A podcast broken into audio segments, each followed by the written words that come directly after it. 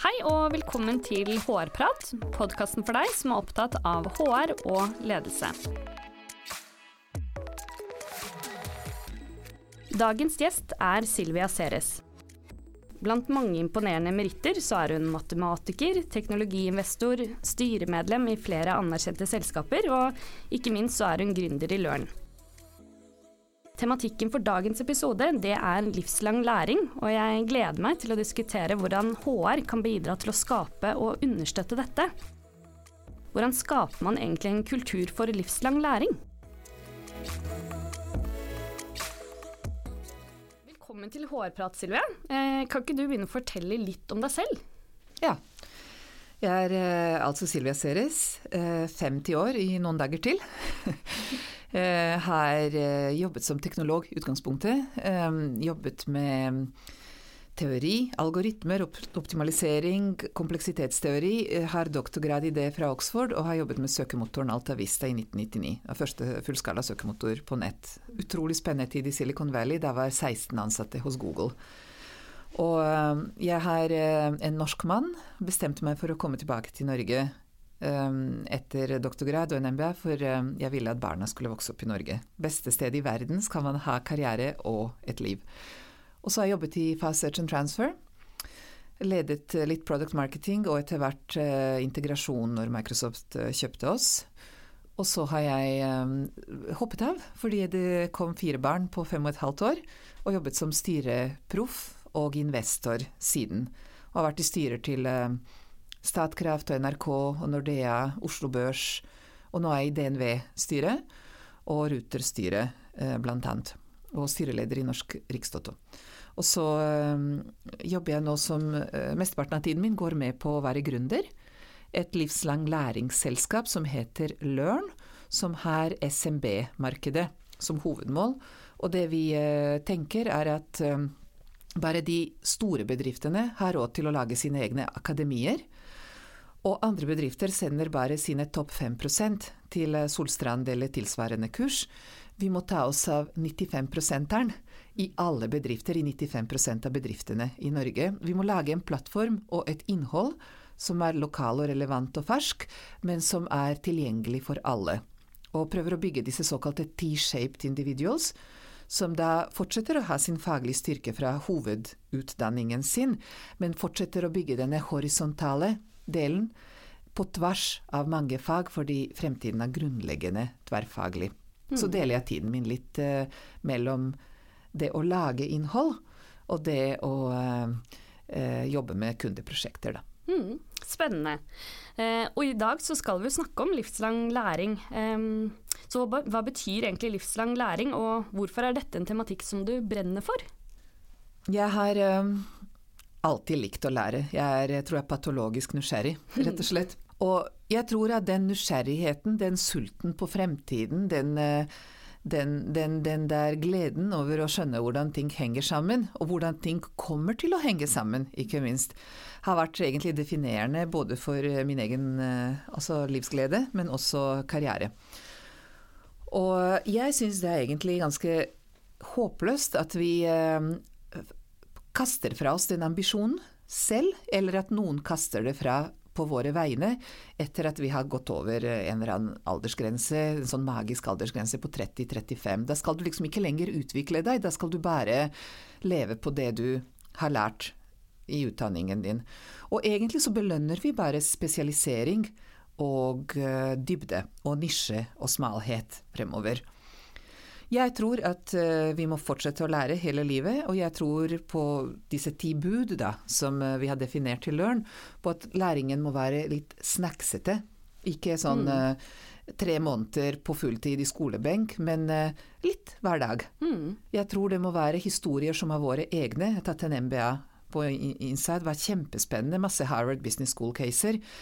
Men etter å ha holdt foredrag rundt hele Norge, så har vi minst like mange spennende eksempler i våre SMB-er. Og hvor interessant er det for oss å lese et 20 år gammelt case om minimils i USA, når vi har våre egne mye mer moderne mils i Norge, da. Hmm, hmm. Så, så jeg, jeg, har tro på at uh, alle må lære, og jeg vil veldig gjerne at særlig HR da, hmm. skal være ambisiøse på utviklingen til hele bedriften, ikke bare topp 10 performer, performers eller hente talenter fra utsiden. Og det er i denne her at måte, dette synet med at fremtiden må ikke bli en fest for spesielt inviterte. Fremtiden er for alle, men da må alle være med på en læringsdugnad.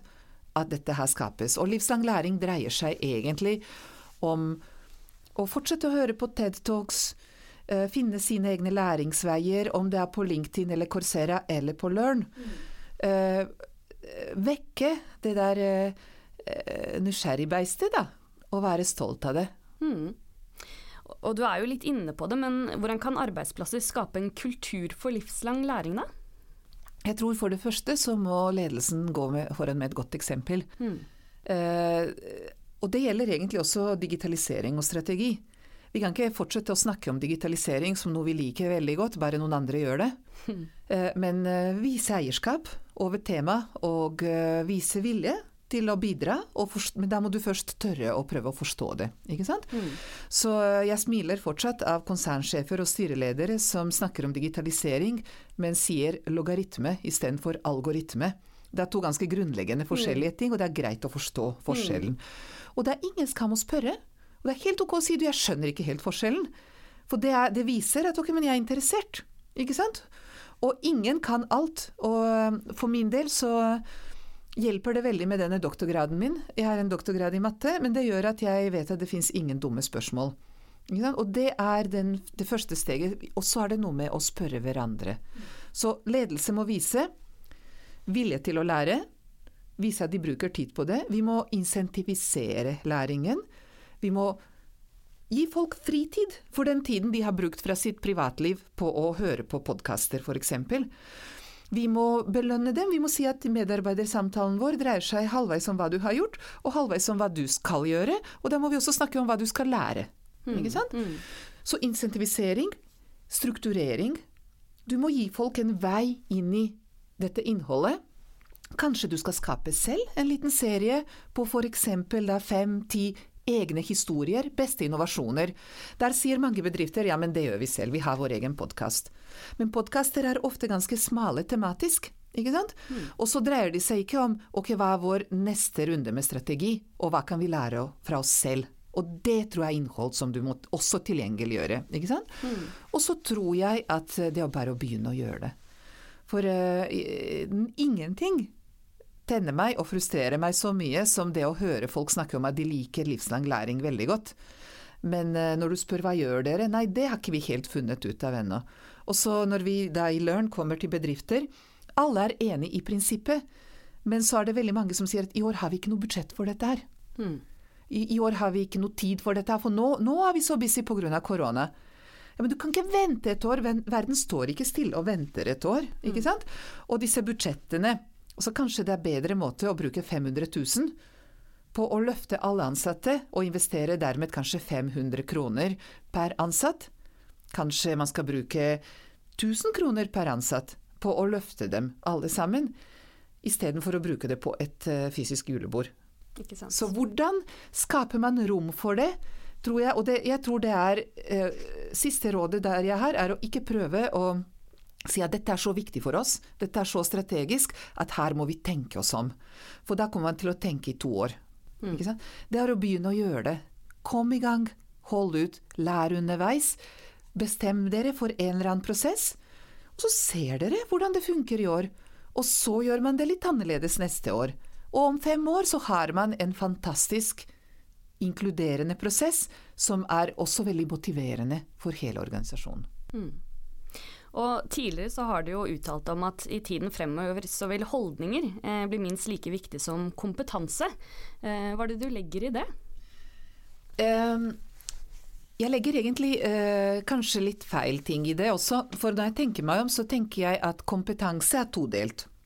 Kompetanse dreier seg om type faglig kompetanse, en eller annen teknologi, eh, et eller annet yrke. Det, det, vi lærer i våre mm. fagskoler osv. Men så har du instrumentelle evner. Eh, hvordan leder du? Hvordan er du kreativ? Hvordan eh, får du teamene til å jobbe sammen? Eh, hvordan løser du veldig komplekse tverrfaglige problemstillinger. Disse instrumentelle evner, noen omtaler dem 21st century skills, mm. mener jeg er like viktige som våre faglige evner. Der mener jeg egentlig at norsk skole er ganske bra. Men det er veldig vanskelig å måle med PISA-tester osv. Hva gjør vi også med voksne? Dette er noe som vi må fortsette å videreutvikle, også for de som er ferdig med utdanningen. Mm. Så to typer kompetanse, og vi må jobbe med dem permanent på livslang læring. Når det gjelder holdninger, så tror jeg at growth mindset og det å ha et optimistisk, nærmest opportunistisk syn på fremtiden er kjempeviktig. Det å Altså optimisme er nødvendig, men du må også handle, ikke sant? Mm. Og du må være konkret, og du må se mulighetene. Eh, disse grønne trafikklys må du ta, og du må planlegge for dem, ikke sant. Eh, og jeg tror at eh, altså det, det, jeg da sikkert har snakket om, er at jeg ser mine venner i Silicon Valley. De sender ikke barna sine på Kidsa koder-kurs. De sender dem på sånne growth mindset-kurs. Og de anbefaler dem veldig å gå på sånne liberal arts education, for de mener at det viktigste er egentlig å utvikle måten man tenker på. Utvikle sin egen etikk, ansvarlighet, syn på verden. Og så lærer du deg alle de verktøyene du trenger etter hvert for å kunne skape det du må. Jeg mener at teknologien utvikler seg så fort at det å begynne tidlig med å tilegne seg et eller annet som blir din selvtillit i teknologi, er også veldig nyttig. Mm. Men, men, jeg ville gjerne sett en sånn tosporsgreie. da. Det ene som bygger et sånt optimistisk, handlekraftig, ansvarlig holdning i oss alle sammen for fremtiden. Fremtiden er opp til oss, også når det gjelder vår bedrift. Og det andre er at vi må være trygge på verktøy som vi kommer til å være nødt til å bruke. Mm. Men hvordan påvirker digitalisering livslang læring, tenker du? Oh, det er et spennende spørsmål. Oh, er, eh, nå, nå, er det vanskelig å stoppe meg. Jeg tror at uh, vi er vant til å tenke på utdanning inkludert livslang læring, som noe som har egentlig vært mer eller mindre det samme i flere årtusener. Egentlig så har vi glemt det Sokrates visste om sin dialogmodell og metode for læring. Det er en professor som messer, og så er det liksom ut i verden. Enveiskommunikasjon, monologer når skole sier at de har digitalisert nå, så legger de egentlig ut en video av en forelesning. Og så kan studentene høre på det. Men vi har ikke tatt i bruk den dialogen. Vi har ikke tatt i bruk den tosidigheten, den sosiale siden. Barna mine bruker digitale kanaler. Omvendt klasserom. Kreativitet i det digitale. Utrolig effektivt. Men vi voksne har ikke blitt dratt inn i den verden. Jeg mener at norsk skole har vært kjempeflinke de mm. siste tre, fire, fem år. Hvordan bringer vi den digitale, kreative rikdommen? Denne informasjonsrevolusjonen og kunnskaps- og kommunikasjonsrevolusjonen som er forsterket av korona, inn i vår måte ikke bare å samhandle og kommunisere, men å lære. Kanskje voksne skal lære fra TikTok Kanskje skal voksne eh, høre på en podkast. Det, det, er den modellen vi i Learn anvender. Vi lager disse strategiske samtaler. Det er ikke en podkast, det er egentlig en samtale toveis, mm. ikke sant? Hvor, hvor, vi spiller veldig ball og utvikler et eller annet underveis. Mm.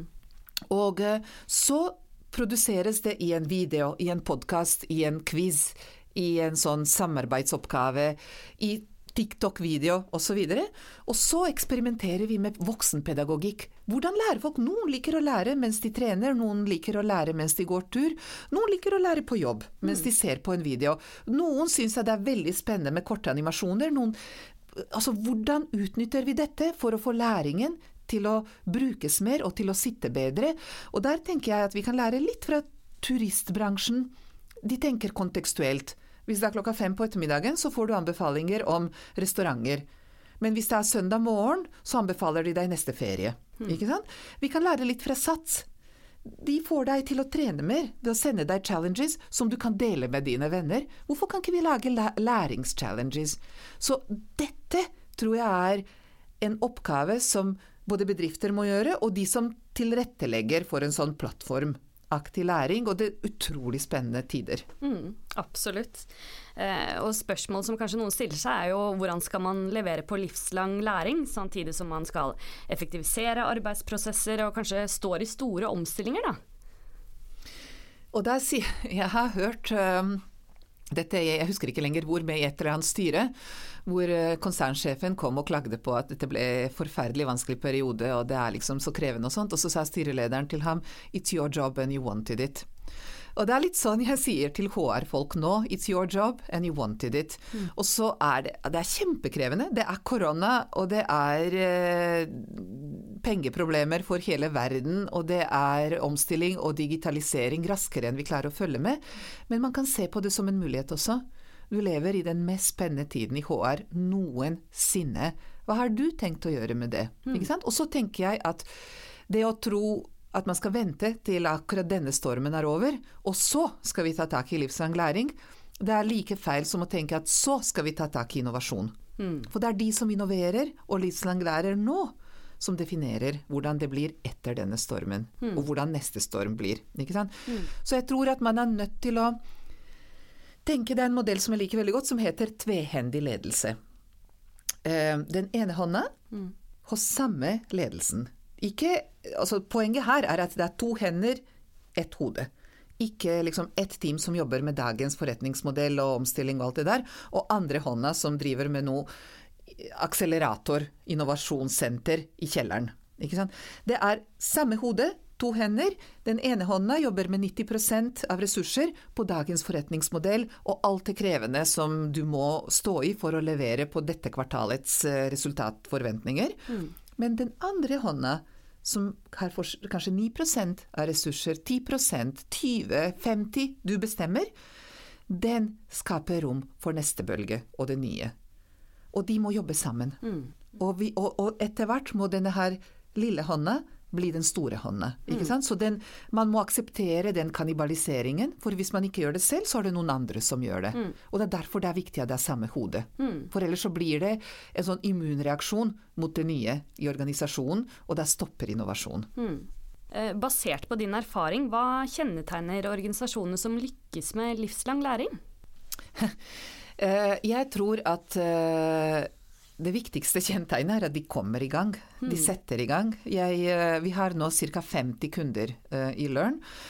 Og um, vi ser veldig stor forskjell i, livs, i, i sånne prosess, salgsprosesser. Og det er der hvor kommunikasjonssjefen, innovasjonssjefen og, og HR-sjefen jobber sammen. De organisasjonene hvor HR sier at dette har vi ikke tid til akkurat nå, dette må vi vente på, de kommer bare ikke i gang. Mm. Og de som kommer i gang, de finner ut av det. Og de som kommer i gang, de eh, tror jeg viser frem også en veldig sånn eh, Jeg syns det er veldig sjarmerende og veldig imponerende ydmykhet for at vi har ikke alle svarene. Og kanskje vi ikke har de beste prosjekter på skyen, droner, VR, AI, et eller annet. Men nå skal vi snakke om de prosjektene vi har. Og så skal vi snakke om hva de er i år, og hva de skal bli i en mm. drømmesituasjon. Og så skal hele organisasjonen få et eierskap til dette her. Så den der slutt å jage det perfekte. Og vent, liksom å, ikke vent med å komme i gang til du har det perfekte opplegget, til du har alle de perfekte prosjektene. Jobb med de jordbæra du har. Mm. Du er mer innovativ enn du aner selv. Så, så, jeg tror at det er det motet, kanskje, som ja. kjennetegner dem. Mm. Um, hvordan er det HR kan på best mulig vis være med på å skape og understøtte livslang læring? Du har jo vært litt inne på det, men uh, hva tenker du om det? Jeg tror at HR må ta det som sin oppgave. Og eh, det er ikke konsernsjefen, det er ikke strategisjefen, det er ikke kommunikasjonssjefen engang. Det er HR som står for utvikling av human resources. Ikke sant? Så HR må lage en ambisiøs og aggressiv plan.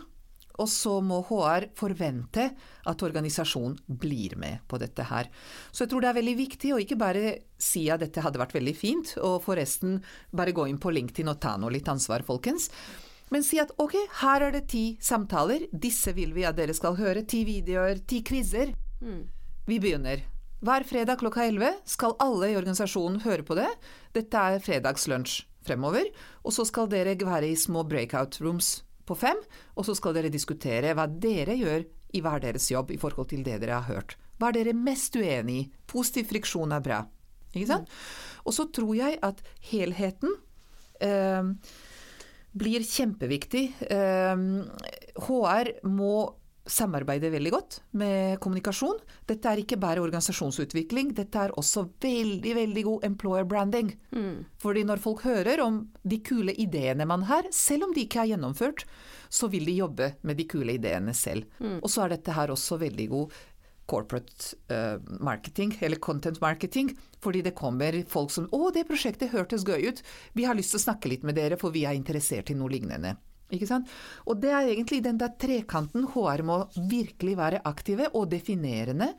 Og så tror jeg at uh, det, det, der med at HR klager at vi har ikke budsjetter, det er egentlig litt sånn HR sitt uh, skyld også. Gå og krev de budsjettene. Hvis ikke styret og toppledelsen, konsernsjefen, mener at det er verdt å putte inn 1000 kroner per ansatt for å holde dem i den stillingen om ett eller to år, da vet jeg ikke hva styret eller konsernsjefen egentlig tenker om fremtiden. Mm. Og, og, hvilket signal dette gir egentlig til de ansatte man har. Så jeg tror at HR må begynne å kreve noen investeringsbudsjetter. Um, og at det trenger ikke være mye, men det må, det må være bredt og inkluderende. Hmm. Og basert på det vi har diskutert i dag, eh, hvilke tre råd da, eh, vil du gi til HR-lederne som hører på for å lykkes med livslang læring i sin organisasjon?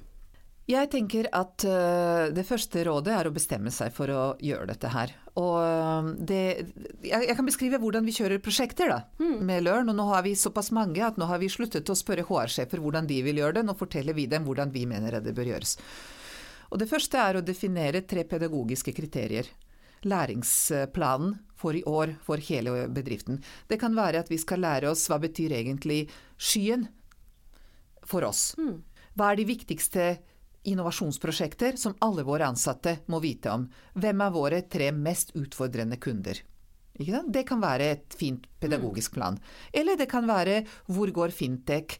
Hva skjer egentlig innenfor velferdsteknologi? Hva, hva, hva, mener våre brukere? Det er mange forskjellige måter to skin that cat, da. Men bestem deg for hvor vil du bevege organisasjonen kunnskapsmessig.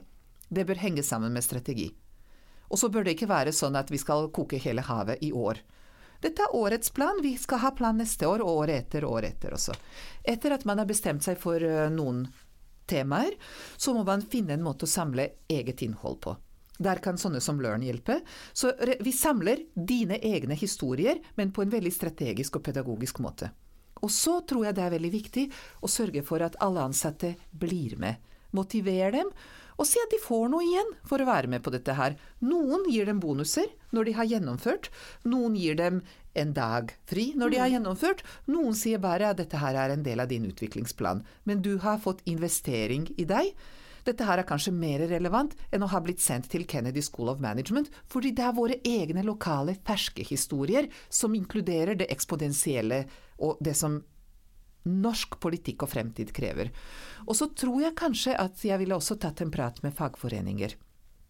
Og at uh, det er en veldig spennende bevegelse der, hvor man uh, begynner å innse at uh, Tariffavtaler skal ikke bare dreie seg om prosenter på lønn, men det skal dreie seg om andre modeller for investering i arbeidstakere. Og dette er en investering i arbeidstakere. Og uh, det viser en form for resiliens, en form for grit, en form for fremtids, langsiktig fremtidsrettethet, og det er bærekraft. Ikke sant? Mm. Mm. Tusen takk for gode råd, Silvia, og takk for at du kom hit til Hårprat i dag. Takk for at jeg fikk være med. Og til dere som hører på, vi prates. Hvis du har temaer eller spørsmål du ønsker vi skal diskutere, send oss gjerne en mail på hårpratatvisma.com. Og for flere episoder, sjekk ut visma.no slash podkast slash hårprat.